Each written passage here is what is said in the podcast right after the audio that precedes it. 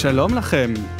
Uh, פניתם פנייה אחת לא נכונה והגעתם למועדון האימה. Uh, פודקאסט שבועי שמדבר מדי שבוע על סרט אימה אחר. Uh, והשבוע יש לנו ספיישל משולש. אנחנו נדבר על סדרת הנושא השמיני. אני שי רינגל, המנחה שלכם, איתנו כאן נמצאת לירון סיני. היי. שיר קנובלר. היי. ואורי טור. אהלן. אה, והם ילוו אותי, הם רבו, הלכו מכות במטרה להיכנס לפרק הספציפי הזה, ובסופו של דבר הם נבחרו.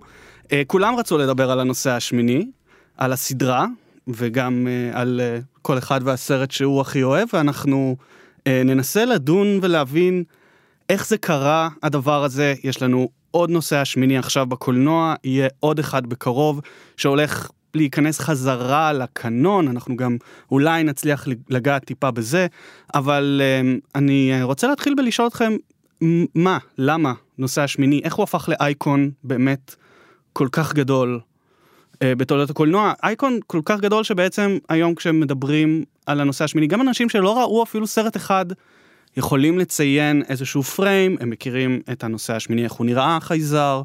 Um, מה, איך? למה? אני חושבת שכשאני פחדתי מהסרט בתור ילדה, אני הכרתי אותו בתור סרט עם המפלצות שיוצאות לאנשים מהבטן. אני חושבת שזה כאילו האימג' הכי מפורסם מהסרט, וכשראיתי את זה בצפייה חוזרת עכשיו, אז אני הופתעתי מכמה מעט מפלצות יוצאות לאנשים מהבטן. זה קורה כאילו מקסימום אחת לסרט, יש סרטים שזה בכלל לא ממש קורה. ואני חושבת שזה אחת הסיבות, זה פחד מאוד, אה, מאוד יוצא דופן ומסקרן ומעניין, שפחות היה בסרטים לפני זה. הרעיון הזה שהחייזר סוג של אונס בן אדם ואז נולד מתוכו. אמ, אנחנו נדבר על עניין הזה של אונס במיוחד בסרט הראשון שממש עוסק בזה בצורה פרונטלית ומאוד בוטה. אמ, אבל אה, בואו נדבר קצת אה, על החייזר, על זירומורף.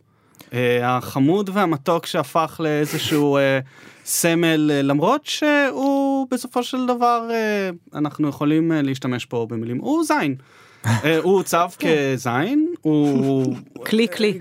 כלי. כן. ובכל זאת, אנחנו כולם מכירים אותו מילדים עד מבוגרים. אז לירון, את רוצה לספר לנו אולי קצת אז אני חושבת שבאמת מה שהופך אותו לכל כך מוצלח זה מן הסתם אייג'ר גיגר, שהוא שוויצרי, למד עיצוב תעשייתי ומתעסק בעצם בייצור של דבר, יצורים סוריאליסטיים שהוא מגדיר כביומקניקל, כלומר ביולוגיה מכנית, זה מין דברים שהוא התעסק איתם עוד לפני הנושא השמיני, בכל מיני יצירות אומנות שלו. אה, יש לו ספר אומנות שהוא הוציא שנקרא נקרונומיקון, אני חושבת שיצאו כמה כאלה, וזה בעצם הדבר הראשון שרידלי סקוט ראה, במאי, לסרט הראשון, כשהוא חיפש אמן שיעצב לו את המפלצת. ובאיזשהו דוקו שגיגר עשה בעצמו, הוא מביא בשביל להשוויץ איזה קטע קטן עם אה, רידלי סקוט, שאומר, אוקיי, ראיתי את הנקרונומיקון ואמרתי, כזה אני רוצה. אה, גם אה, אובנון שעבד על התסריט ובעצם הביא את כל הדבר הזה מהבסיס שלו, עד שאחר כך קצת שינו לו עניינים, הכיר את גיגר עוד לפני זה לדעתי מהעבודה על חולית של חודורובסקי, שזה סרט שמעולם לא יצא לפועל. אבל הרבה יוצרים קולנועים טובים מכל מיני זוויות, גם תסריטאים, גם אמנים, הכירו שם, והמון מהעיצובים שגיגר עבד עליהם שם, מצאו את דרכם אחר כך לחלק מהסרטים של הנושא השמיני, כולל פרומיתיוס אפילו. אמ, וזה פשוט, מעבר לזה שזה נורא נורא מפחיד, יש בזה איזשהו שילוב של זוועה ואסתטיקה ביחד נורא נורא נורא יפים. אמ, וכל העיסוק הזה במשהו שהוא חייתי, אבל הוא הולך קצת כמו בן אדם, והוא, והוא מיני נורא, ו- וזה פין, אבל זה גם נשי מאוד, וכל המשחק הזה, יש בו משהו מחריד שנשאר איכשהו נורא נורא איקוני. פשוט נראה ממש טוב, ורע. ומיני וחלקלק. בטירוף. חלקלק מאוד. אגב, החלקלקות, אני הבנתי שבסרט הראשון הם פשוט שפכו על היצור המון המון KY ג'לי.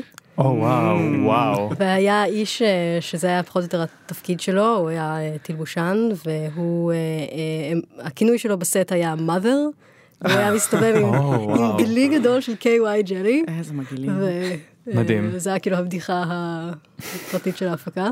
עכשיו עוד משהו קטן שהוא מדבר באמת על הנושא של המיניות, אבל באמת כשרואים את הנושא השמיני עצמו, את הזינומורף, היצור ה- המוגמר, הבוגר, הוא, הוא, הוא פין ענק, כאילו פלוס ענק, עוד פלוס שיוצא לו מהפה עוד פלוס. מצד שני, יש שם את כל הנושא המאוד מאוד נשי, הפייסהגר עצמו אמנם מחדיר איבר ארוך לתוך... לתוך הבן אדם, אבל הוא עצמו נראה באמת כמו משהו עם פתח, הוא מאוד נשי. גם הביצים. עכשיו, כשגיגר מדבר על הביצים, הוא אומר, תשמעו, במקור, הרי זה מין פרח כזה שנפתח לארבע. הוא אומר, תכננו שזה יהיה מין חריץ אחד צר כזה, אבל שידמה באמת אה, איבר מין של אישה. אבל מאוד דאגנו בהפקה שזה יצונזר, כי אה, מדינות יותר שמרניות וקתוליות לא ירצו דבר כזה על, המסך, על המסכים שלהם בהפצה. אז עשינו כזה איקס, וככה יצאנו מאוד מרוצים. גם במדינות הקתוליות השמרניות שלא עלו על הקטע, וגם אנחנו. ואז כשמסתכלים על זה שם מקרוב, באיזשהו דוקו שהוא מראה את זה יותר, ממש את כל העבודה על, ה... על הפריטים, כאילו איך ייצרו אותם פיזית, זה ממש נראה בשרני, כאילו אי אפשר לפספס את זה, מקריפ בטירוף. הצורה המרובעת זה גם נראה כמו צלב, אז כן. בכלל זה, זה גם כן. עובד להם ברמה הזו. סלאב עם שפתיים שנפתחות, כאילו אין, אי אפשר, אי אפשר לשכוח את זה, זה פשוט מעורר חלחלה. זה סרט מאוד מאוד בוטה. אה, טוב, אנחנו יכולים כבר להתחיל לגלוש. אנחנו נדבר על שלושה סרטים, על שלושת הסרטים הראשונים, ואנחנו נתחיל עם הנוסע השמיני הראשון של רידלי סקוט, 1979. אה, זה סרט מ-79, זה סרט מאוד מאוד בוטה. זה סרט there. אה, רק נזכיר קצת את העלילה הלא רבה של הסרט הזה. זאת אומרת, צריך לציין שהסרט הזה הוא לא הרבה עלילה.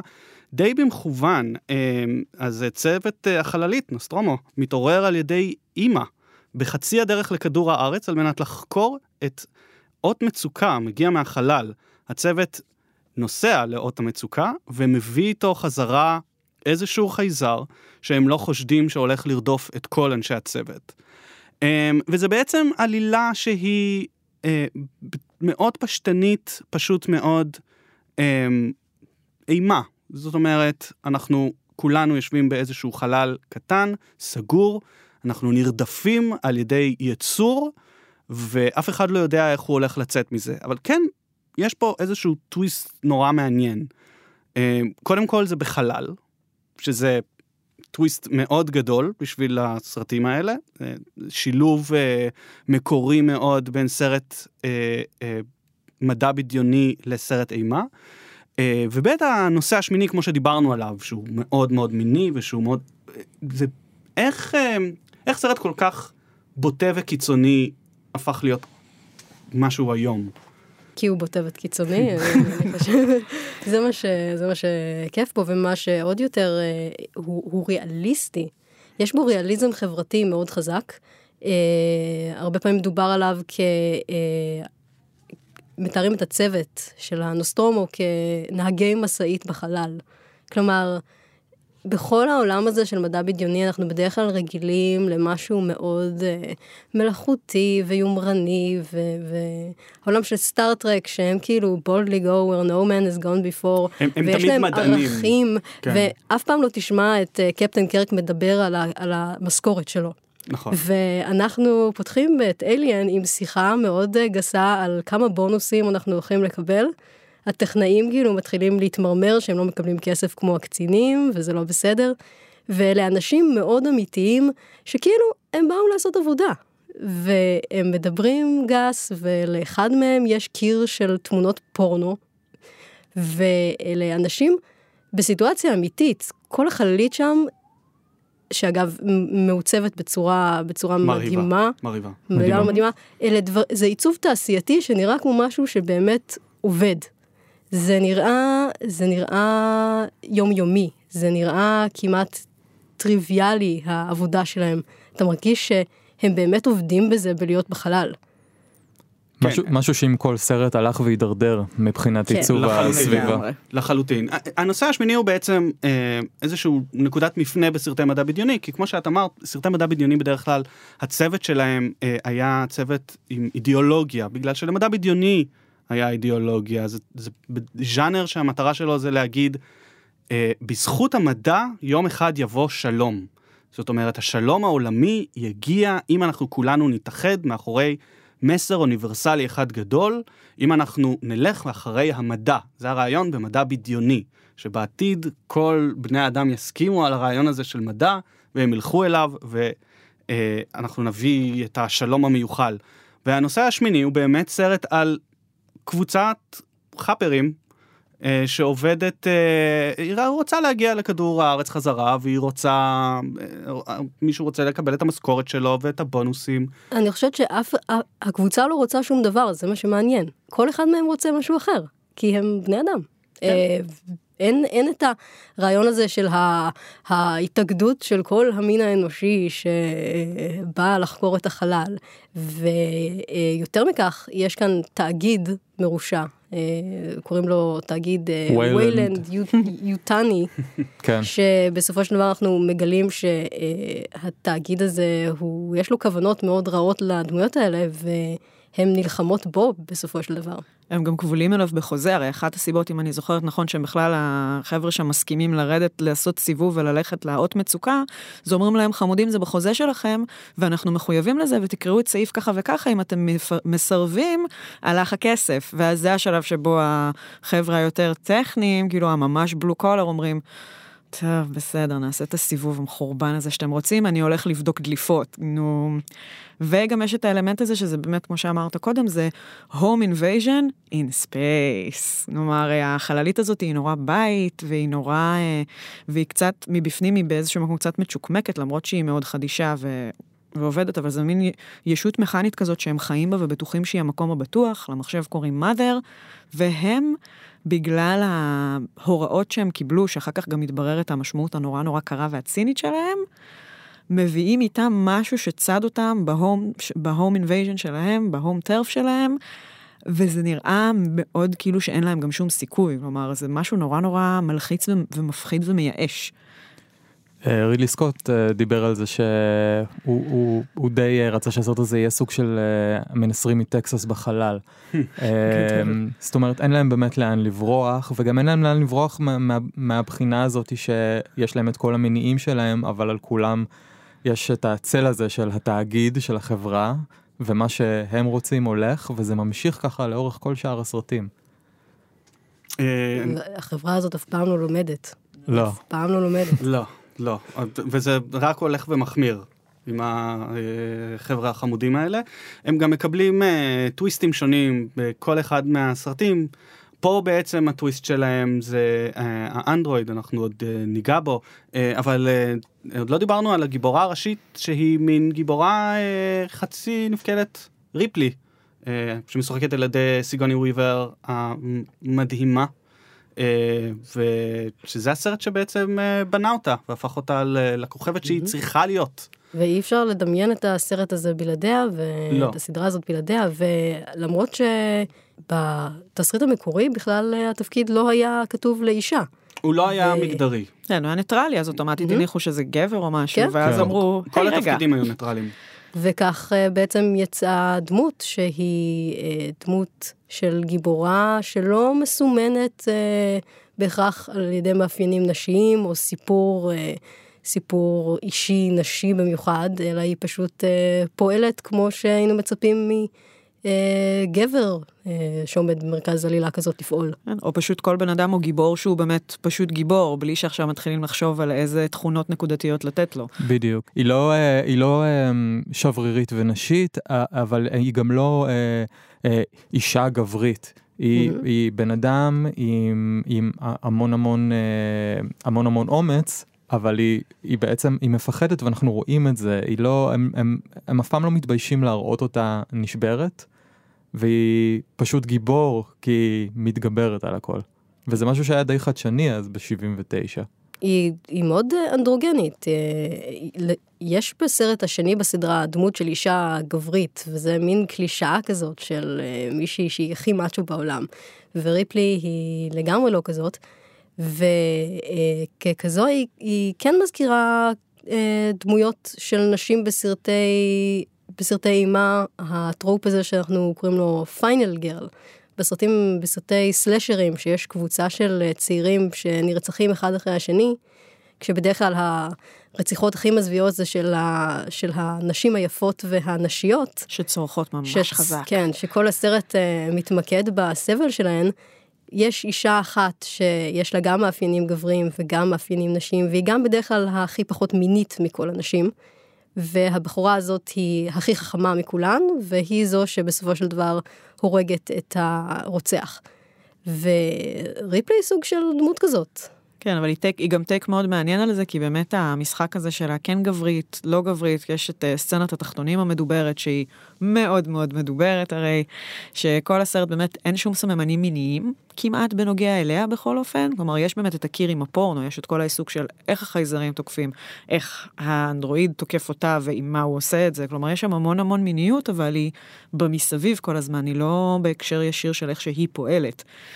עד שרואים אותה בתחתונים, ואז לפחות מבחינת מבט, שוב, היא מתנהגת רגיל, אבל היא פתאום חשופה לנו, פתאום יש שם גוף, פתאום יש שם חריץ, ופתאום אפשר רגע לדבר שנייה.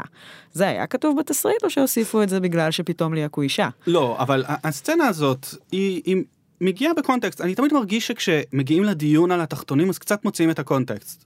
יש פה context של, ראינו את זה גם בתחילת הסרט, שהם יוצאים מה pod, הם כמעט לא לבושים, כי הם יוצאים מאיזשהו רחם. ה pod הזה גם מעוצב בצורה של רחם, ומי שמאיר אותם זאת אימא. זאת אומרת, יש את המחשב הגדול שקוראים לו אימא. אז זאת אומרת, היא מכינה את עצמה ללכת למקום הזה, ולכן היא קצת ערומה. העירום שלה, לטעמי לפחות, ותתקנו אותי אם אני טועה, הוא לא כל כך מיני כמו שהוא מרמז על לידה, על חזרה חז... לרחם. אני לא יודעת. כן, אני לא בטוח. זה קצת... אני רואה את הישבן החטוף של סיגורני וויבר, אז- אז האם- ואני כזה, או... אז האם הבעיה הוא שהוא חטוב? לא, הבעיה היא שהמייל גייז הוא, הוא המצלמה. והוא כאילו מרים את ראשו המכוער קצת בסוף הסרט הזה. אמ, וזה לא סתם שגם לקחו, הסצנה הזאת היא מרופררת בכל מיני סרטים אחרים. בגרביטי סנדרה בולוק אה, ממש בסוף הסרט ממש כמעט משחזרת את הסצנה הזאת שהיא צועדת לה על החוף בתחתונים מאוד דומים. אפרופו, גם זאת אבל סצנה מאוד של לידה. כלומר, יש זה פה איזה. עניין. לא לא ברור אני לא חושב ש... שזה סותר אבל כן אה, אני מפקפק קצת ב... זאת אומרת, אתה אומר במניעים. שהלכו למקום הזה עם איזושהי מחשבה מאחורי הראש של, אוקיי, בכל זאת יש פה אישה. כן. אבל כן יש משהו בתוך הסצנה הזאת ובכללי בריפלי Mm-hmm. אה, שהוא defines, אה, הוא אה, נוגד את ההסתכלות הגברית ולא רק בגלל שהיא, אה, אני לא חושב שזה רק בגלל שהיא לא נכתבה כאישה, שזה די מדכדך כשאנחנו מדברים על זה שהדרך היחידה של גבר לכתוב אישה הוא פשוט לא לחשוב שזאת אישה. כן, פשוט לכתוב, לכתוב כן. דמות ולא לכתוב מגדר. כן, ואז, קטע. ואז ההתנהגות שלה זה לא מתוך הנשיות, כי נשים תמיד צריכות להיות מתוך הנשיות, וגבר פשוט יכול להיות דמות. זה די מדכדך. אבל גם אני חושב שמבחינת המבט הקולנועי, אין כל כך הסתכלות לא עליה. אמ, האמת שעל הבחורה השנייה כן יש קצת הסתכלות, כי היא כן הצורחת. זאת נכון. אומרת, היא כן קצת היא. את מקום. כן, בש... אבל דווקא בשביל להדגיש את ריפלי, אולי. אמ, אז אני לא יודע, אני תמיד לא נוח לי עם, עם עניין המבט הגברי, כי אני כן חושב שזה סרט שאפשר לכתוב עליו תיאוריות פמיניסטיות מאוד מעניינות, ואני כן חושב שזה סרט שנעשה קצת בתוך הראש הזה, אה, גם אם רידלי סקוט אחר כך יביים את טלווה ולואיז, שזה סרט שגם אפשר להתווכח איתו על הפמיניזם שלו, יש כאלה שיגידו שכן, יש כאלה שיגידו ממש לא. אה, טוב, זאת, זאת תמיד תהיה איזושהי תעלומה, העניין עם אה, ריפלי, אה, אבל זה כן סרט שמטפל בריפלי מבחינה פמיניסטית הכי טוב מבין השלושה. כן, כי אני חושבת שהדכדוך הזה מאוד מאוד מודגם על ידי מה שקורה עם ריפלי אחר כך, שכמו שהיא הייתה לא האישה בסרט אה, מספר אחת, בסרט שתיים, כל היא הסרט אישה. זה אימהות. רחם, רחם, ואז רחם, רחם. בסרט שלוש הם ממשיכים עם האימהות הזאת, ו- כן. ואימהות הופכת להיות הנושא של כל הסדרה. פתאום היא צריכה אה, אה, בת. כן. נכון, אבל בסרט השלישי גם, אני חושב, דבר נורא יפה שהם עשו, הם כן נתנו לה פתאום מיניות, דחפים מיניים שממומשים, וכמובן, אה, זה נגמר רע, אבל... אבל הם גם מגלחים לה את השיער, נכון. ושמים אותה בחברה שהיא לחלוטין גברית, וגם כשאתה מסתכל על, טוב, אנחנו עוד נגיע אנחנו לדויד עוד נגיע, פינצ'ר, כן. אנחנו נגיע לדויד פינצ'ר, אני רק אגיד שדויד פינצ'ר, אה, אה, זה הגיבורה, האישה היחידה שלו. כל השאר הגיבורים בסרטים שלו הם תמיד גברים. הוא אה, בדרך כלל אוהב לעסוק בסיפורים על גבריות. מעניין שזה סרט שהוא בוחר להתכחש אליו בצורה נכון. מאוד קולנית. אה. נכון, זה אנחנו נכון. אבל אנחנו נדבר על נדבר הנושא על השלישי זה. שלוש, יש הרבה מה לחפור שם, ו- אוקיי. אבל אנחנו צריכים לדבר על הנושא השמיני הראשון קודם, סרט שאתם בחרתם להיות סרט האימה הכי טוב, הכי אהוב עליכם.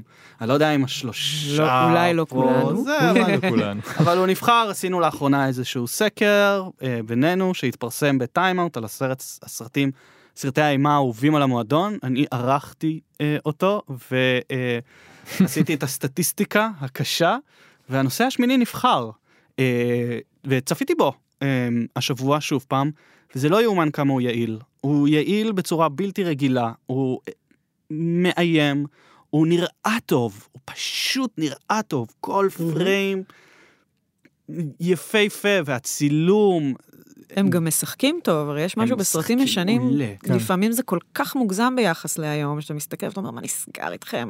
למה אמרו לכם לצעוק כל כך הרבה? ופה זה משהו שם יושב באמת נורא נורא טבעי, במרכאות, הם נראים לי כמו אנשים אמיתיים. בהשוואה לסרטים החדשים שאנחנו לא נתייחס אליהם, כי אמרנו שלא נתייחס אליהם. לא נתייחס אז אליהם. אני חושבת שההשוואה היא בדיוק הפוכה. כלומר, הם הרבה הרבה הרבה יותר טבעיים ממה שקורה בהרבה סרטים היום. הם, זה- הם, הם שחקנים טובים כל כך. כן, ו- זה, זה ממש חריג, כן. זה נכון. הדיאלוגים הם, אה, הם מדויקים ומצוינים. והם אמיתיים, הריבים אמיתיים, הסטים אמיתיים, הכל נורא טקטילי, ואתה מרגיש שהדבר הזה יכל להיות, ולאט לאט ככה, ככל שהסדרה ממשיכה, זה קצת כזה יורד, יש הרבה תוספות על, אבל הסרט הזה הוא, הוא טהור. כן, הוא אני, סרט אימה טהור, הוא- הוא- בגלל זה הוא מקום ראשון לפי דעתי. הוא טהור הרבה גם בגלל שהוא לא אירוני.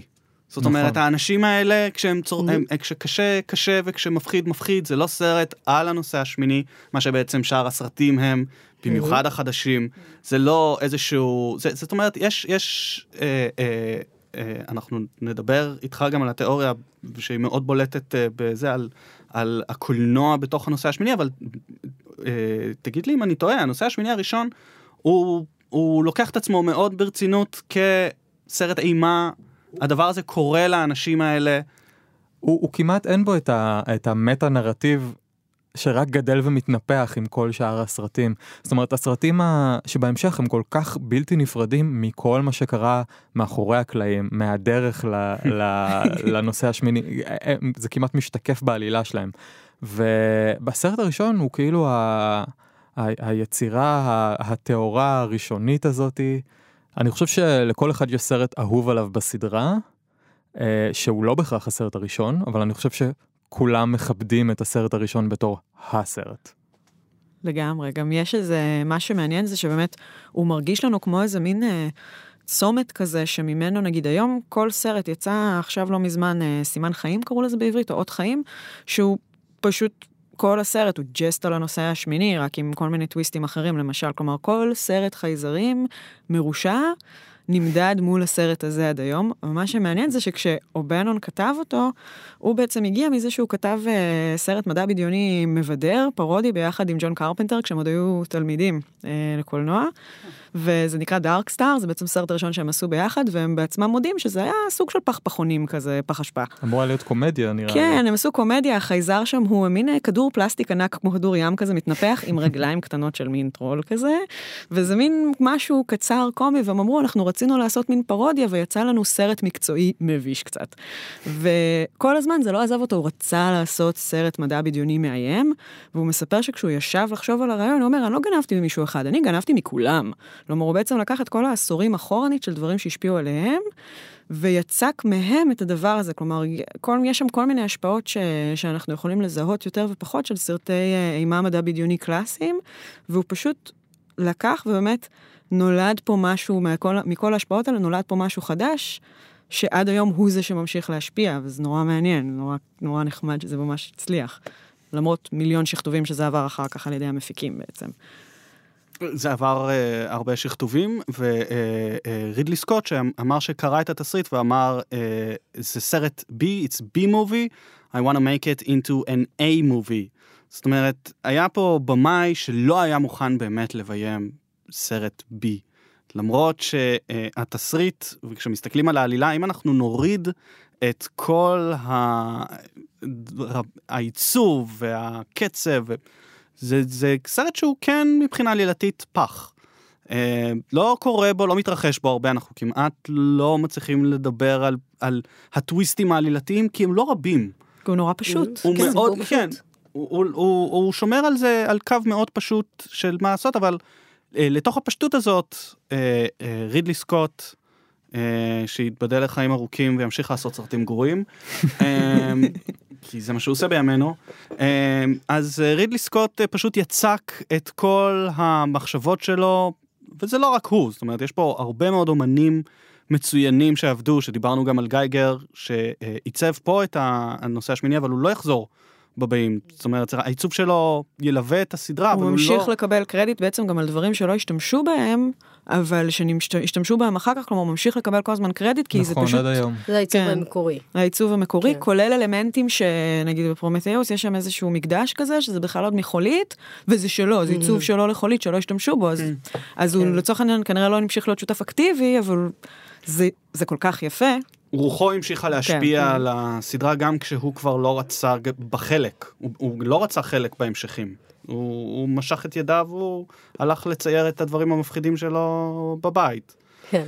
אני, אני מאוד אוהבת את השילוב גם בין העבודות שלו, בין העיצוב המאוד גותי אפל של החייזרים, לבין העיצוב של החללית, שהוא בסגנון אחר ומשלים, והתפר ביניהם הוא, הוא מושלם. השילוב הזה, התערובת שנוצרה, זה בעיניי מה שעושה את העיצוב של הסרט. זה פשוט סרט שהעיצוב בו הוא חלק כל כך מהותי, שמראים אותו באמת לדרגה של יצירת מופת מחומרים של בי מובי. אני כן. חושב שזה גם עונה על השאלה ששאלת ממש בהתחלה, שהתחלנו, למה הסרט הזה, למה הוא כל כך נהיה איקוני? העיצוב הזה, של ה... בעיקר של היצור עצמו, הוא פשוט, הוא משהו בלתי נשכח, שפשוט לא היה ולא נברא לפני זה. הוא לא סתם מבוסס על כל מיני דברים קיימים, הוא מין, הוא מין משהו כאילו... ז'נסקו.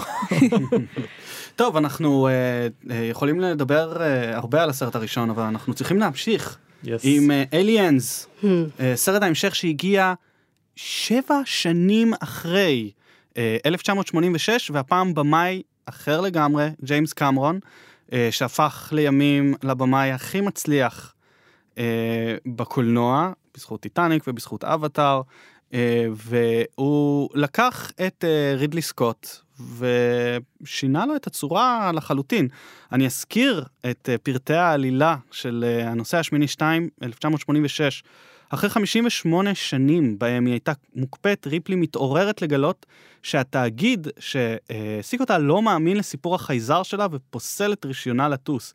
היא גם מגלה למרבה תדהמתה שהכוכב שעליו נמצא החייזר, הזירומורף, מאוכלס בצוות מחקר. אה, לאחר שהאות מצוות המחקר מפסיק להגיע, נשלח אה, צוות מרינס מלווה בריפלי למצוא אה, את האנשים הנותרים ולגלות האם השמועה על החייזרים היא אכן אה, נכונה. אה, והפעם הם לא נתקלים בחייזר אחד, כמו בסרט הראשון, אלא, כמו ששם הסרט מרמז, הם נתקלים בהרבה חייזרים. אמ, ואני חושב שזה סרט נורא מעניין לדבר עליו, קודם כל כסיקוול, כי הוא הסיקוול האולטימטיבי שברא את הסיקוולים. אם אליאן הראשון הוא סרט שמרופרר מאוד, אז אה, אה, ג'יימס קמרון גם משפיע בדרכו על הקולנוע, ובטח על הקולנוע ההוליוודי, בכך שהוא בא ואומר, זוכרים את הסרט ההוא מלפני שבע שנים שהיה בו חייזר אחד? מה אם אני מביא לכם 100 חייזרים, 200 חייזרים, bigger, stronger, faster, וככה הוליווד נוצרה. אה, אז אה, תודה לך, ג'יימס קמרון. אה, מה חשבתם על הסרט? ראיתם אותו לאחרונה מחדש, אחרי הרבה שנים. זה סרט מאוד, סרט מלחמה בעצם. סרט וייטנאם בחלל. כן. עכשיו, כל הסדרה הזאת תמיד מזכירה לי קצת את השירות הצבאי. כאילו, החוויה הזאת היא שהחיים שלי נשלטים על ידי איזשהו גוף ענק ועוין, שקובע לי את החיים, והוא יכול להחליט שהחיים שלי יהיו גן עדן או גיהנום. הוא יכול בפקודה אחת, כמו שקורה בסרט הראשון, פשוט להרוס לי את החיים. ויותר מהכל, הוא כאילו מחליט עם מי אני אבלה את הזמן שלי, אה, ובאיזה סביבה אני הולכת אה, לחיות. זה לגמרי, לגמרי צה"ל. והפעם הוא שולח אותך לקרב. כן. הוא שולח אותך לקרב אבוד מראש. ובכלל, בכל הסרטים האלה אני מרגישה שריפלי ככה יורדת אה, אה, כל פעם אה, למדור יותר אה, עמוק של איזה גיהנום חברתי, שהסביבה שלה נהיית יותר ויותר עוינת. ומצד שני, אה, יש לה איזה שהם סיכויים תמיד אה, למצוא איזשהו קשר, או למצוא אהבה, או למצוא משפחה אה, בסוף הסרט. ובסרט אה, אה, אה, השני זה מתחיל בזה שהיא מוקפת בפלוגה של גברים איומים ונוראים, שכאן זה מאוד מודגש העובדה שהם גברים והיא אישה ושיש רק עוד שתי נשים או אישה אחת בצוות הזה. יש אישה אחת והיא מאוד גברית. שתיים, שתיים, יש עוד אחת. נכון, יש עוד אחת. פחות בולטת, כן. כן, כן. וכולם כאן אה, ממש שונאים את ריפלי ומזלזלים בה, ורע לה מאוד בחיים, באמת, היא, היא מגיעה לשפל המדרגה. ובסוף הסרט אה, היא משיגה את, אה, היא משיגה את הכל, יש לה אפילו מושא אהבה, סוג של, ויש לה איזה ילדה שהיא, שהיא מאמצת, ואנחנו מגלים בכלל שריפלי הייתה אימא כל הזמן הזה. וש... ושהבת שלה, אה, אני לא יודעת אם זה נמצא בכלל בגרסה, בגרסת הקולנוע, אה, אה, אבל מגלים שהבת שלה מתה לפניה בזמן שהיא הייתה ב... זה לא נמצא בגרסה הקולנועית, זה נמצא בגרסת הבמאי, יש שתי גרסאות, לכל ארבעת הסרטים, אגב, יש שתי גרסאות. כי יצאה פשוט מהדורת DVD מיוחדת לפני עשור. אה, של אה, הגרסה המקורית וגרסת הבמאי, והסרטים אה, נערכו מחדש כמעט כולם, ויש לציין שמבין ארבעת הסרטים, ג'יימס קמרון הוא הבמאי היחיד שאם תשאלו אותו איזה גרסה עדיפה, הוא יגיד לכם, גרסת הבמאי, הגרסה שלי, היא superior, אה, היא פשוט טובה יותר מהגרסה המקורית. בגרסה, אה. בגרסה המקורית של, אה, שיצאה לקולנוע לא יודעים שיש לה בת, הקטע הזה נחתך. והוחזר חזרה בגרסת הבמאי. עם זה אני מסכימה איתו. כן, את מסכימה איתו? אני חושב שזה לא, לא, אני לא. אני ראי, לא. אז ראיתי את גרסת הבמאי בעצם. כן, אתה ראית. רוב האנשים היום, אם בדרכים הלא חוקיות שאנשים היום צופים בהם בסרטים, הם מורידים בדרך כלל את גרסת נכון. הבמאי, אה, אבל אם תסתכלו אה, ב Apple Store, ב iTunes, אז יש את שתי הגרסאות. אה, ולדעתי, ואני הולך למרות את פיו של קמרון, הגרסה המקורית טובה יותר. הגרסה המקורית היא בקצב טוב יותר, היא, היא, יש בה כמה דברים שאני אישית מעדיף. ויצאו ממנה דברים שאני אישית מעדיף, כמו למשל העניין הזה שיש לה בת, כי זה קטע סנטימנטלי לחלוטין, אבל... שפשוט הופך אותה לאוי לא, אני אימא אה, שאיבדתי את בתי, מה חבל שאין לי איזושהי, איזשהו בת נחמדה שתוכל ללכת לידי ולצרוח כל היום, אם היא יכולה גם קצת לצרוח, או, שלום לך, איך קוראים לך? ניוט.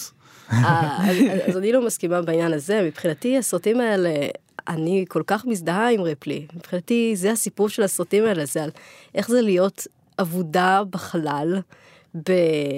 בסביבה עוינת של אנשים שאת לא סובלת, ובכל זאת למצוא כל פעם תקווה.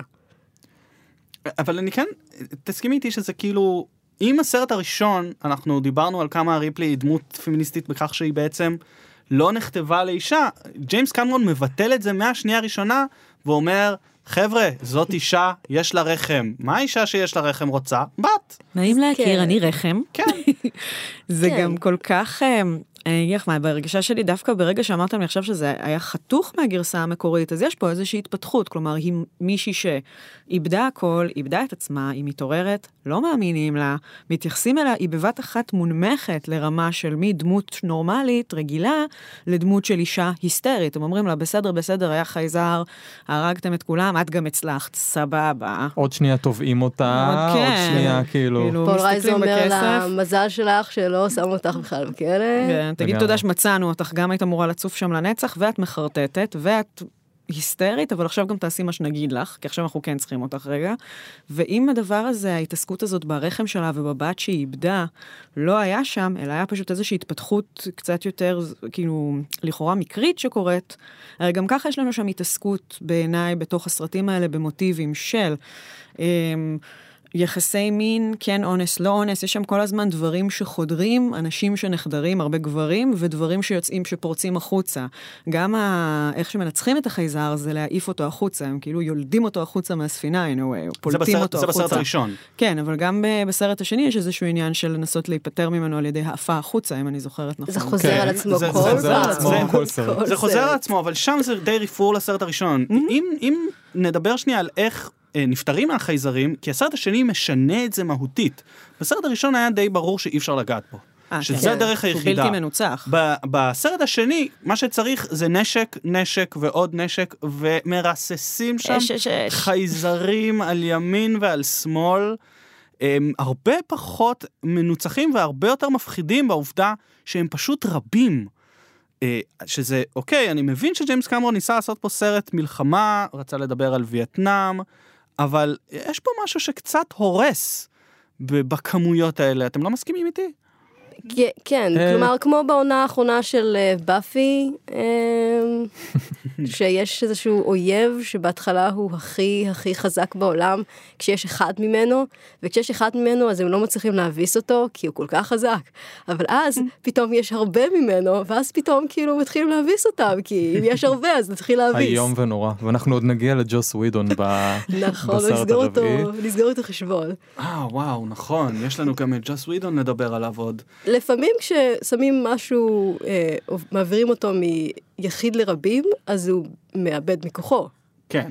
אני רוצה להגיד לגבי ג'יימס קמרון, בתקופה שהסרט הזה יצא, הוא קיבל ביקורות די טובות, אה, בגלל שזה היה אולי אחת הפעמים הראשונות שראינו את הנוסחה הזאת שהתחילה, של ה sequel הוא פי אלף יותר הסרט הראשון. אה, מאז אנחנו כבר נורא עייפים מזה, ואנחנו רואים את הסרט הזה קצת אחרת. בזמן אמת הוא, הוא, הוא התקבל די טוב. Uh, למרות שכולנו יודעים היום שג'יימס קמרון הוא לא הכי חזק ב subtlety ולכן יש לנו את כל ה...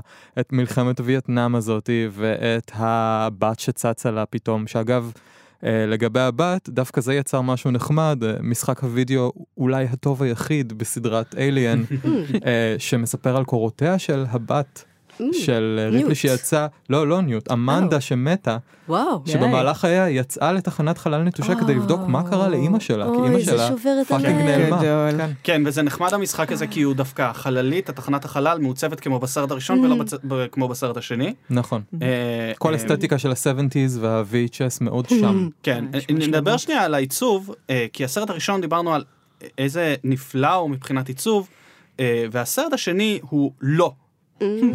הוא, הוא. הוא הרבה הרבה פחות, הוא נראה הרבה פחות טוב, אה, הוא כחול מאוד. מאוד כחול. מאוד אחד כחול. הכחולים. אה, לא, לא פריימים, אחי. זאת אומרת, זה סרט שהוא אה, מחפה על הרבה בבומבסטיות שלו. ובאפקטים אה, יותר אה, אפקטים מאוד מושקעים. מאוד טובים, הנושא השמיני אה, נראה פה... הכי טוב אולי נכון. מכל הסדרה. מכל הארבעה הראשונים הוא נראה הכי טוב. אה, אולי גם בשניים החדשים. יש לנו גם את אה, ההתפתחות כן. עם המלכה פה, שזה דוחה ואפקטיבי. זה דוחה אפקטיבי, אבל שוב, מוציא קצת את העוקץ מהעניין הפמיניסטי, שאנחנו שוב, יש לנו אישה, עכשיו היא המלכה, לא ושצריך בטוחה. להיפטר ממנה ולקרוא לה ביץ'. זה שהיא קוראת לביץ' זה אכן בעייתי. מצד שני, יש לאורך כל הסרטים, אין הרי, וזה גם קורה, בסרט הרביעי זה כבר קורה אקטיבית עם לום לראש. יש כל הזמן, אם אנחנו מסתכלים עליו ממבט קצת יותר מלמעלה של uh, עיסוק באמת, ב, גם באיזושהי נשיות, ואולי זה יצירות גבריות לגמרי, הכותבים שם הם גברים, הבמאים הם גברים. יכול להיות שיש פה איזה עיסוק במה זה גבריות, והמבט שלהם על גברים הוא מאוד מאוד מאוד ביקורתי. הם כאילו, הם, הם חרא גברים. הם כאילו מתחילים בתור קצת דושים סקסיסטים וגומרים לנו בתור סקס אופנדרס מורשעים במהלך שלושת הסרטים. בזמן שריפלי היא איזה מין גיבורה היברידית שהיא גם מושווית לגברים ממקום אחד, וגם יש כל הזמן איזושהי הקבלה בינה לבין החייזר הזה. אז כשהיא קוראת לה bitch, ו- ו- ונמצאת איתה באיזשהו מאבק נוראי, אני גם, כן אפשר לחפש פה דווקא את המקום של איזושהי נשיות שמנסה לבוא לאיזשהם תנאים עם עצמה, עם הרחם הזה שכפו עליה. Fucking כתבו אותה בתור רחם, והיא עכשיו מסתכלת על מישהי אחרת שכתובה בתור רחם, והן צריכות פה ל- ל- לשרוד. מאוד מה- מתה. מה עוד נשאר? כן, נכון. אנחנו. נגיע פה למטה עוד בהמשך. אני- ו- הדבר היחיד שקצת כואב לי ב, ב, ב, בסוף הזה של הסרט, כי זה באמת, זה... אה, מעבר לביץ', זה בסדר, מפריע לי שיש איזה קטע שנראה כאילו המלכה וריפלי מגיעות לאיזושהי הבנה, אני לא הולכת לפגוע בצאצאים שלך, אני לא, אני לא אפגע בניוט, אני אתן לכם לצאת, ואז ריפלי פשוט, Hmm. פשוט מזיינת אותה. Fire blaster. כן. אבל יש שם פתיחה של ביצה, לפני שהיא... זה אה. כאילו מין מצמצה ראשונה קצת. אוקיי. ואני גם נורא חיפשתי את זה, והן עומדות, או יש כאילו לקראת סוף הסרט, ניוט שמה תקועה בתוך מלא ג'לי, וריפלי חוזרת כנגד כל הסיכויים, יש להם איזה, לא יודעת מה, שתי דקות עד שהכל שם מתפוצץ, והיא עוזבת את הכל, ובמקום לנטוש את הילדה, אומרת, לא, אני הולכת להציל אותה עכשיו, יורדת למטה, מחלצת אותה מתוך המין קוקון הזה שיש שם, ומרחיקה אותה מהמלכה, וכשהיא מאיימת בלהבעיר על כל הביצים, המלכה פתאום, כל ה... כל ה... חייזרונים שלה עוצרים, כי פתאום באמת יש את ההבנה הזאת שאתה מדבר עליה, והן מתרחקות, מתרחקות, ויש שם איזה ביצה שנפתחת, ואנחנו לא יודעים אם היא נפתחת, Mm, כי זה fucking ביצה וזה אינסטינקט, או כי המלכה מצמצה ראשונה. Hmm. מעניין. אבל, אבל כן. אבל כשהיא כן. כשהיא משמידה את כל הביצים, המלכה צורחת בכאב, יש פה איזושהי האנשה שלה, באלף. כלומר, כן. אנחנו לא אמורים לרחם על הדבר, המשורה, על הדבר המזעזע הזה, אבל וואלה, אנחנו מבינים אותה כאימא פה. היא איבדה, איבדה את כל, את כל הרגע. Fucking מפסידה פה, כואב.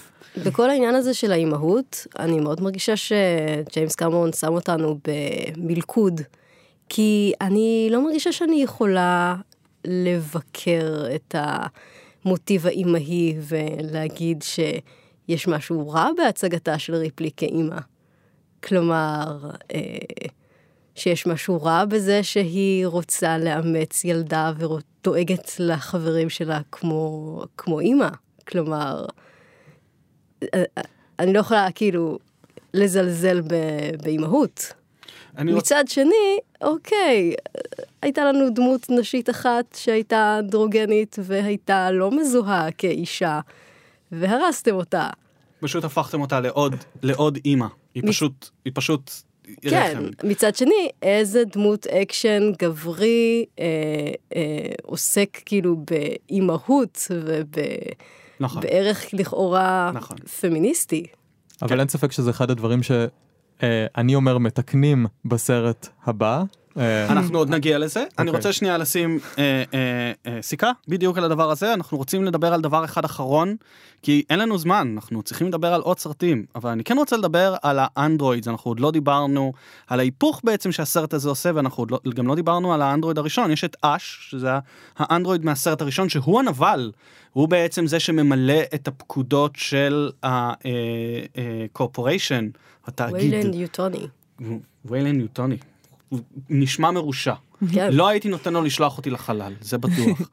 אמ, זאת אומרת, יש את אש שהוא זה שממלא את הפקודות, ובסרט השני יש היפוך מאוד מאוד מעניין שבו האנדרואיד אה, לא נעים לו ממה שאש עשה, הוא מתנצל, בישוף קוראים לו, כן. אה, והוא דמות נהדרת ש... אה, ש- אה, קנתה מעריצים גם, ובגלל זה הוא גם יגיע אלינו בסרט השלישי, אבל אה, הוא בעצם זה שמנסה לכפר, ואז אה, מי שבוגדים אחד בשני הם המין האנושי. זאת אומרת, כן יש איזשהו עניין שג'יימס קמרון גם אה, רומז לנו, והם גם מדברים על זה ביניהם, שהם אומרים, אה, גם האליאן האלה, אה, הם לא היו בשביל בצע כסף אה, עושים את מה שהם עושים לבני מינם, הם שורדים. מדברים נכון. מאוד על זה שזה כאילו, אה, אה, שזירומורף הוא אורגניזם אה, מושלם בכך שהוא שורד. אה, אז כן יש עניין נורא מעניין פה עם האנדרואידים, אה, שלדעתי זה אחד מנקודות החוזקה של, אה, של נושא השמיני 2. אם אמרנו שריפלי היא זרה בקרב גברים, אז גם האנדרואיד הוא זר בקרב גברים. כלומר, בישופ כאן הוא האאוטסיידר קצת כמו ריפלי. הוא, הוא היחיד שבאמת יכולה אה, להזדהות איתו מתוך המבוגרים, אה, והוא גם מקריב את עצמו בסופו של דבר, אה, שזה מאוד אה, רובוטי AI אה, שעובד על פי החוקים של אזימוף פה, של רובוט צריך להקריב את עצמו למען חיי אדם, מתוך אה, החוקים שאזימוף... אה, החוק הראשון כתב, של כן. לשמור על אנשים עובד לפני החוק השלישי של אל תתקלקל ותמות, אבל אם כן, צריך אם אז זה צריך, בסדר, אז- אז אז זה בסדר. יש, יש גם טוויסט, יש רגע שהיא חושבת שהוא בגד בה, ואז היא מבינה שהוא פשוט חנה במקום אחר. זו, זו, זו עלילה מאוד מאוד טובה ומאוד אפקטיבית. אה, אני נותן לג'יימס קמרון את הקרדיט פה, אה, אבל אני חייב להגיד שהצפייה המחודשת שלי בסרט אחרי הרבה שנים אה, הרסה וקלקלה אותו, לפחות לטעמי. אה, במה? סרט, הסרט הרבה פחות טוב ממה שזכרתי. אה. הוא מכוער, נכון. הוא פשוט מכוער. אה, אחרי שאתה רואה את העיצוב של הסרט הראשון שכל פריים בו הוא masterpiece, זה סרט לא יפה לעין. אה, ו...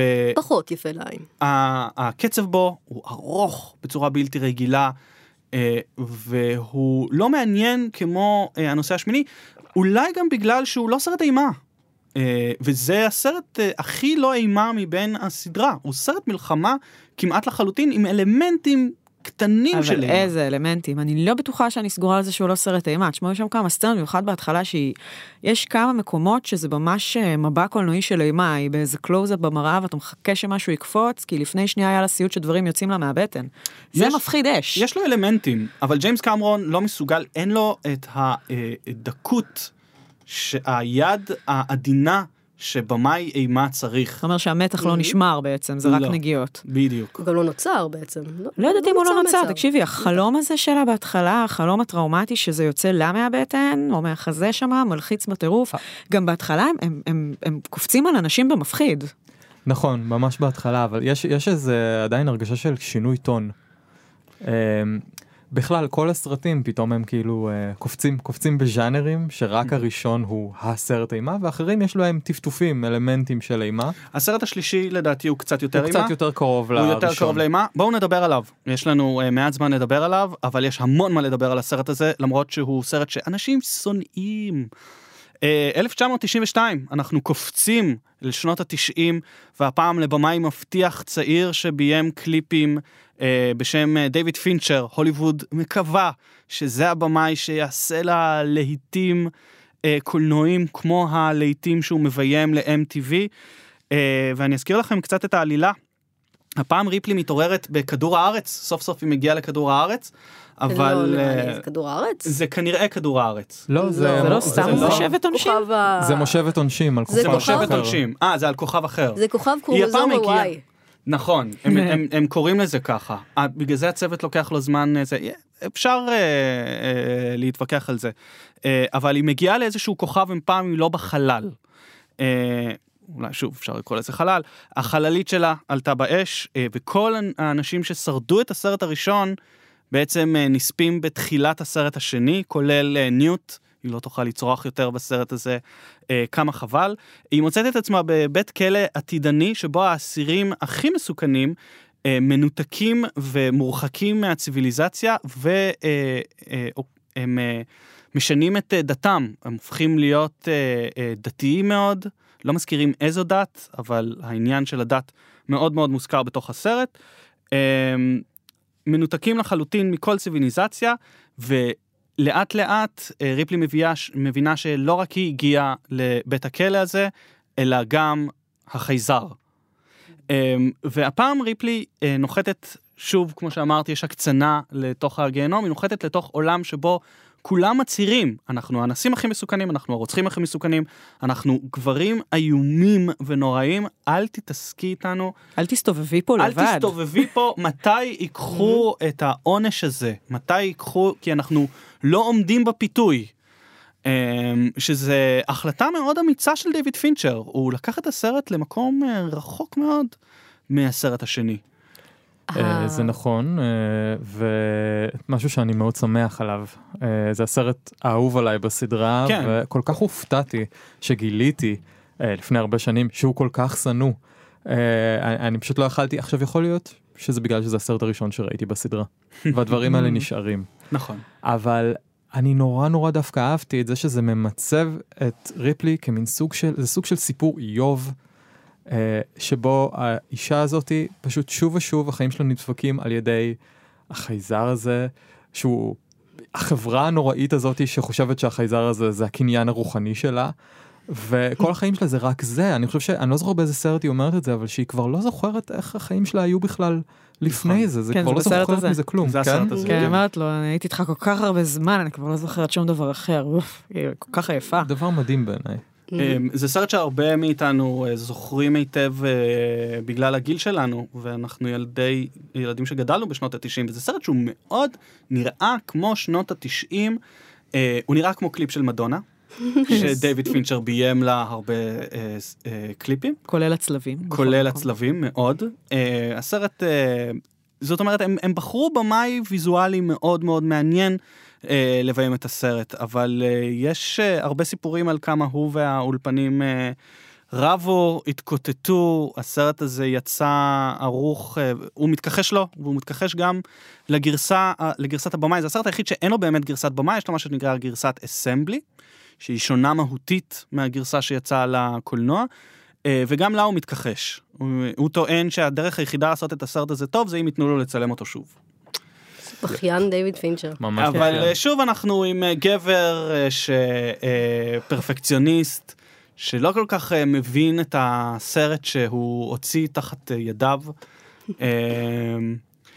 מה חשבתם עליו בצפייה חוזרת? אגב, פינצ'ר, אני ראיתי כאילו אה, דוקומנטרי על הסרט, והוא מצולם שם כשהוא מביים, והוא נורא חמוד. הוא היה בן 30 בזמנו, והוא היה כאילו, באמת, אה, הוא לא איש חמוד. ה- הצעיר הנאה והמבטיח. הוא לא איש חמוד, לא, הוא לא. בשום צורה שהיא לא אחרי איש שראיתי חמוד. את גונגר לא נראה לי שהוא כזה חמוד. איך הכל לא השתבש. לנשים בכל מקרה. אבל שוב, אה, דיוויד פינצ'ר, דיברנו על זה קצת בהתחלה, מביים סרטים מתוך נקודת המבט הגברית, וזה די מעניין שהוא מביים את הסרט הזה, ובעצם מצד אחד עושה לה קרחת, ומצד שני כן, פתאום היא, אה, יש לה אה, חשק מיני, אה, וכן, אה, היא, היא, היא יותר אישה אה, מורכבת, לפחות לטעמי. אה, גם אם הוא שם אותה באיזושהי סיטואציה אה, שבה היא צריכה כל הזמן לחשוש מאונס. רפרור מאוד לסרט הראשון, שכולו עוסק באונס אה, ובפורנוגרפיה. אה, ופה זה כאילו גם מגיע מהגברים, מהאסירים עצמם. אה, וזה התקבל מאוד לא טוב בזמנו. כן, הסרט לקח את זה ממש לאבסורד, את הגיהנום החברתי שדיברתי עליו. זה כאילו הם חשבו, מה נוכל לעשות לאייקון, ה... לאייקון האקשן הפמיניסטי ריפלי, שיהיה הכי הכי גרוע? בואו נבנה כוכב שיש בו אנשים שיש להם רק קרומוזום Y, זה מין הברקה שהם המציאו, והם היו הכי הכי גברים, והם אה, ממש יאיימו על החיים שלה, ויאיימו לאנוס אותה, ויתקפו אותה מינית במהלך הסרט.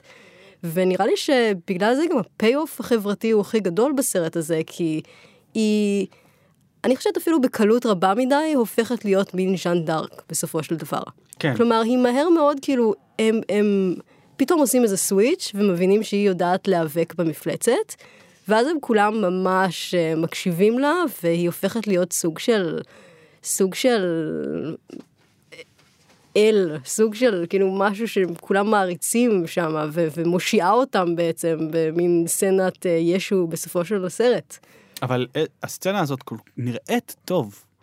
לעומת הסרט הקודם, אולי זה בעיה שלי, אבל אה, הסרט הזה נראה מצוין. אה, יש בו אה, כמה אה, סצנות איקוניות. אה, ובמיוחד עניין אותי שפינצ'ר הוא היחיד מבין הארבעה, תתקנו אותי אם אני טועה, שלוקח את נקודת המבט של החייזר. רץ נכון, זה לו במסדרונות. זה מאוד מאוד נכון. בולט וזה גם מהפכני, זאת אומרת הרבה מאוד אנשים יחקו בדיוק את הדבר הזה בהמשך, את המצלמה המרושעת הזאת. שאתה לא בדיוק יודע איך צילמו אותה. פינצ'ר אגב השתמש בפטנט הזה אחר כך כל הזמן, אבל שם זה מאוד, אה, זה, זה הצורה הראשונית של הדבר הזה, וזה נראה נהדר. ששוחזר בכל הסרטים אחר כך, כל הבמאים באמת לקחו את זה. בדיוק. זה גם מעניין שעוד מקום שיש את זה, והוא עם חייזר, זה איטי, ובאיטי זה...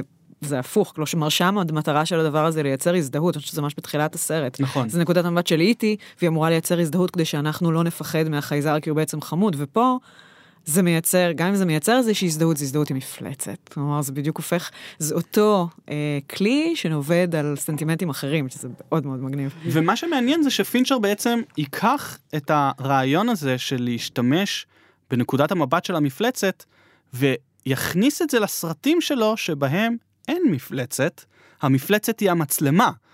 אצל פינצ'ר המפלצת הרבה פעמים היא המצלמה שאנחנו לא יודעים מי מפעיל אותה, איך מפעילים אותה, היא נכנסת לתוך חורים, היא יוצאת מחורים, היא עפה למעלה, למטה, אה, אין לה באמת אה, תנועה, אנחנו לא מרגישים אף פעם את הכתף למשל אצל פינצ'ר, הוא לא משתמש בכתף.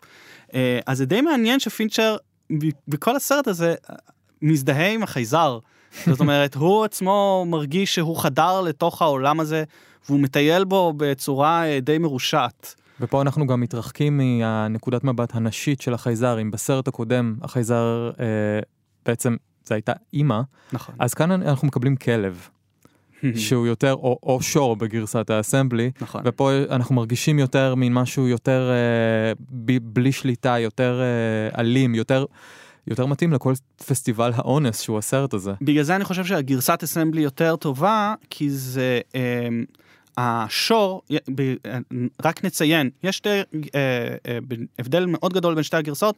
בגרסת הגרסה התיאטרלית, הגרסה שיצאה לקולנוע, החייזר יוצא לראשונה מתוך כלב. בגרסת אסמבלי הוא יוצא מתוך איזשהו שור גדול, שנראה כאילו הוא נלקח מהמיתולוגיה היוונית. מה שמסמן לנו הרבה יותר זה השטן. אנחנו חוזרים חזרה לא לרעיון של החייזר בתור אימא, אלא החייזר בתור איזשהו יצור דמוני, שזה יותר מזכיר את הסרט הראשון, הוא מתחבר בגלל זה לטעמי הרבה יותר אה, לסרט של רידלי סקוט, שבו החייזר מייצג שטן. אה, וזה יותר מפחיד, ובגלל זה הסרט הוא הרבה יותר אימה. אה, גם זה, והר- ס- זה גם שטן קצת בלי מוח, כלומר, יש נכון. לו הרי הסיבה שהוא, מה ש- שקורה ש- בהמשך שטן זה... הישרדותי. כן, מהר מאוד אנחנו גם מבינים בתוך הסרט שמשהו מוזר קרה, כי הוא מתקרב הרי לריפלי, וזה השוט אחד הכי איקוניים אולי מכל הסדרה. כנראה, כן. מתקרב, מתקרב, מתקרב, לא פוגע בה, ואז היא בעצמה גם מתחילה להבין שמשהו פה השתבש, עכשיו הוא לא פוגע בה כי הוא חומל, הוא לא פוגע בה כי הוא מבין שהוא עכשיו, ה... לצורך העניין, החרק הפשוט, או הפועל הפשוט, כמו בכוורת של דבורים, וצריך לשמור על המלכה בכל מחיר. ולכן הוא לא פוגע בה, כלומר זה הכל מין pure instincts כאלה, ואפשר אולי גם להקביל את זה לאסירים במידה מסוימת, שאומרים לה, גברת, אני פה אנס מורשע, אני לא חושב, אני אאנוס אותך, מותק. ויש אגב סצנה מאוד יפה שהמנהיג הרוחני שם של הכלא אה, מגיע לריפלי ואומר לה, אני אנס, אני רוצח, אני I'm a rapist of women, והיא אומרת לו, אתה בטח מרגיש מאוד לא נוח איתי, איתי, כן, כן. כן, אני בטח מאוד מפחידה כן. אותך. באיזה רוגע היא אומרת לו את זה. כן. טוב, היא כבר עברה הרבה. וואה. אה, אני לא זוכר אם זה קורה אחרי או לפני סצנת האונס. לפני, זה לדעתי זה ממש בהתחלה. הרבה הרבה לפני, הרבה. זה כאילו הרגע שבו היא מציגה שהיא בדאס, ואתם כן. אה, לא תתעסקו איתה. נקרא שלום שלום. כן. כן. אה, טוב, יש הר... זה סרט אה, די אה, פגום.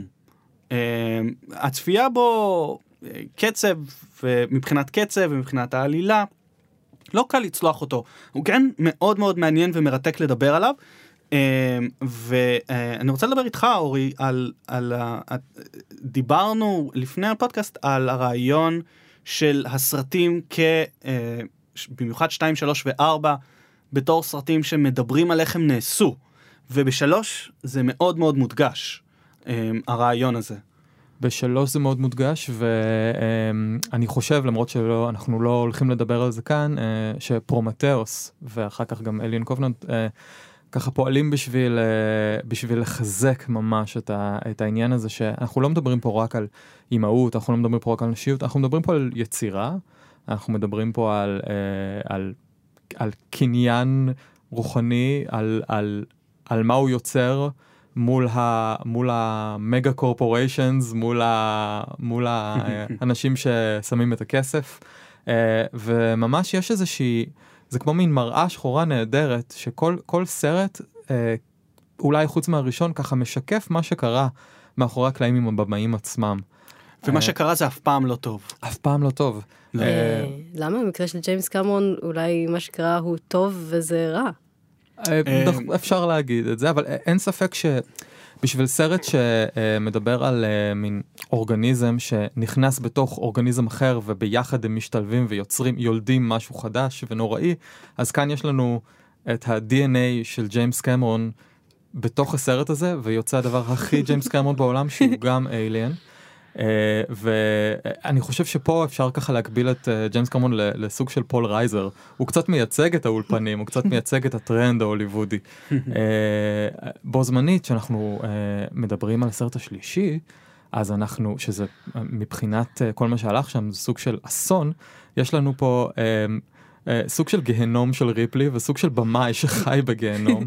אה, האולפנים היו מאוד לא מרוצים מהסרט, הם שלחו אותו לצילומים חוזרים פעם אחר פעם. פעם אחר פעם. והוא שכתב את התסריט, הם לא היו מוכנים לקבל את השכתובים שלו. זה לא היה אשמתו, הם התחילו לצלם לפני שהתסריט היה סגור. כן, נכון. לא היה להם תסריט. נכון, הרבה צולם בלי תסריט. כן, הם היו מאוד להוטים להוציא את הסרט. הוא גם הבמאי השני שבכלל נכנס לשם, זאת נכון. אומרת, זה עוד התחיל לפני, והיה לו איזשהו אה, חזון לזה, אבל זה הכל... כל הבליל הזה פשוט אה, הוא העדיף להתכחש לזה בסוף ופשוט אה, קצת מזכיר לי את איך שריפלי מתאבדת בסוף מאשר מאשר היא לא רוצה למסור את היצירה שלה לחברה.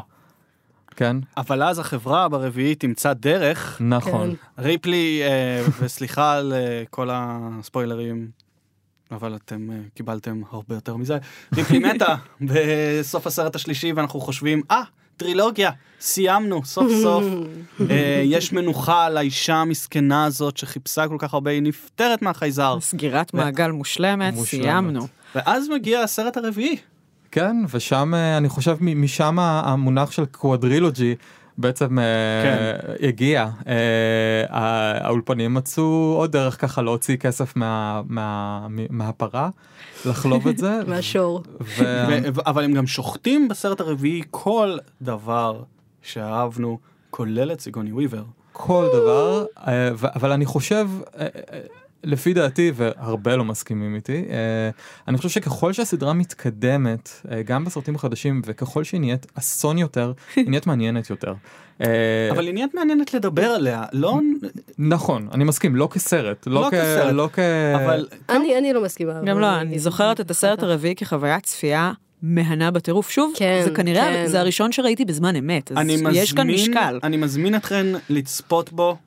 אה, לא. לא. זה לא, זה לא עובד בשום צורה. אני ראיתי אותו אתמול. אני רוצה... זה עובד לך?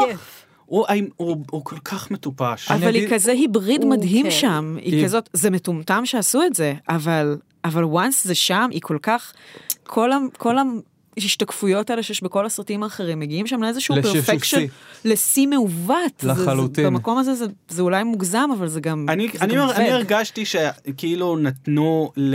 אה, אלמודובר סוג ב' לביים את אה, הנושא השמיני, הוא הפך את זה לאיזושהי אופרת סבון בחלל, אה, מנותקת mm. לחלוטין מההקשרים המקוריים שלה, ואירונית לחלוטין. מאוד אירונית. מזה אני נהניתי. אז אני, אולי, וזה עניין הטעם האישי שלי, קשה לי עם האירוניה. אה, אני איש... שמעדיף את הרגישות החדשה.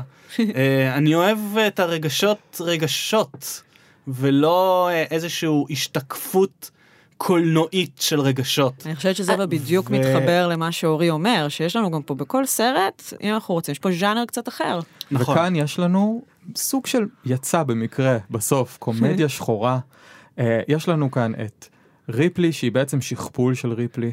אה, 220 שנה נראה לי אחרי הסרט שלפני, עם מגפיים גדולים עם יותר. מגפיים גבוהה גדולים, אה, יותר. לסת מטורפת, אוי, והיא, יש בה קצת DNA של חייזר, ומצד שני, יש את המלכה שהם הצילו ממנה, ולה יש קצת DNA אנושי, יש לה רחם. פתאום השיטת ילודה שלה משתנה ויש פה מין סרט שהוא על היברידיות שבו מתנגשים ז'אנרים וגם מתנגשים האנשים שעבדו על הסרט הזה. כי גם מצ- הם רבו עם האולפן נכון מאוד, וגם הם לא הצליחו באמת להוציא את החזון שלהם, וגם לסרט הזה הבמאי שלו מתכחש אליו. באמת, נכון. ז'אן פייר ז'אן מתכחש? צ'רפיאן לסרט? ז'נה, שהוא הבמאי של הסרט הזה, והוא גם הבמאי של עמלי, נכון אה, שזה נפלא, הפרט הזה. אז אה, גם הוא אה, אה, לא אוהב את הסרט כל כך, והוא עוד יותר לא אוהב את גרסת הבמאי. הוא גם לא אהב את התסריט שכתב לא ג'וס. הבמאי. ג'וס ווידן כתב את התסריט, אה, שבעצם מסביר הרבה דברים. אה, את המטה ואת הניסיון הזה, ההומור ואת הניסיון הזה להיות חכם יותר מכולם. נכון. מה אה, שג'וס אה, ווידון אמר על הסרט הזה שהוא מאוד מעניין זה שהוא אנשים חושבים שהוא שונא את הסרט בגלל שהם שינו באופן קיצוני תסריט. הם כמעט לא שינו שום מילה בתסריט שהוא כתב אבל את כל הדברים הג'וס ווידוניים הרגילים הם פשוט אה, לא ידעו איך לבצע הם לא ידעו איך להגיד נכון. את השורות האלה ו- ולכן זה נשמע כל כך רע. וזו בעיה כרונית בכל סרט שג'וס ווידון כותב ולא מביים. נכון. זה תמיד קורה. ובמקרה הזה זה בכלל היה מדהים כי יש לנו זה לא סתם שיש לנו אישה והיא דמות פמיניסטית וכותב שהוא פמיניסט מוצהר יש לנו מהצד שני במאי שהוא נחשב בעיני כולם שם לסוג של חייזר זה מהצד השני הוא בקושי ידע אנגלית. הוא לא כל כך הבין את התסריט של ג'וס ווידון, הוא אמר את זה, והוא הרגיש סופר מוחמא ומופתע שהם פנו אליו. הוא היה שם נורא חם בהוליווד, והוא פשוט לא ממש ידע למה לעזאזל הם אה, באים אליו, אבל הוא הביא את כל הצוות שלו, והם עשו ביחד את ההיבריד המשונה הזה שהוא מצחיק ומשונה. ודי נפלא במין צורה שהיא קצת אה, הוא די נפלא. אבל אפשר לומר שזה סרט שבאמת מילולית עבד בתרגום. לגמרי. כן. עבד בתרגום ברגע שהוא צולם. אבל דבר אחד שאני כן נהניתי ממנו זה שזה סרט הרפתקאות. נכון. זה הסרט סרט היחיד הרפתקאות. בסדרה שבאמת ראיתי אותו ואין לי מושג לאן הוא הולך, הייתי כזה, נכון. מה הולך לקרות כאן? הוא, הוא, הוא הסרט עם הכי הרבה עלילה. אמ, אבל לדעתי זה לא עובד לטובתו. יש לנו הרבה מה לדבר על הנושא השמיני, אבל אה, אה, אנחנו אה, צריכים לסיים. זה היה אה, מרתק וכיף ונפלא. אה, תודה רבה לכם. תודה רבה לאסף רפופורט שיושב אה, לאורך אה, כל השעה הזאת ממוסגר כמו תמונה יפה. אה, והיה מאוד אה, נחמד להסתכל עליו. אה, תודה לכם שהאזנתם. אנחנו עדיין לא יודעים מה יהיה הסרט של שבוע הבא, אבל ברגע זה מוביל אה, בהצבעות The Hills Have Eyes, שזה אחלה, אחלה, אחלה אה, אה, סרט לדבר עליו, אז תהיו איתנו אה, שבוע הבא גם בשביל לגלות.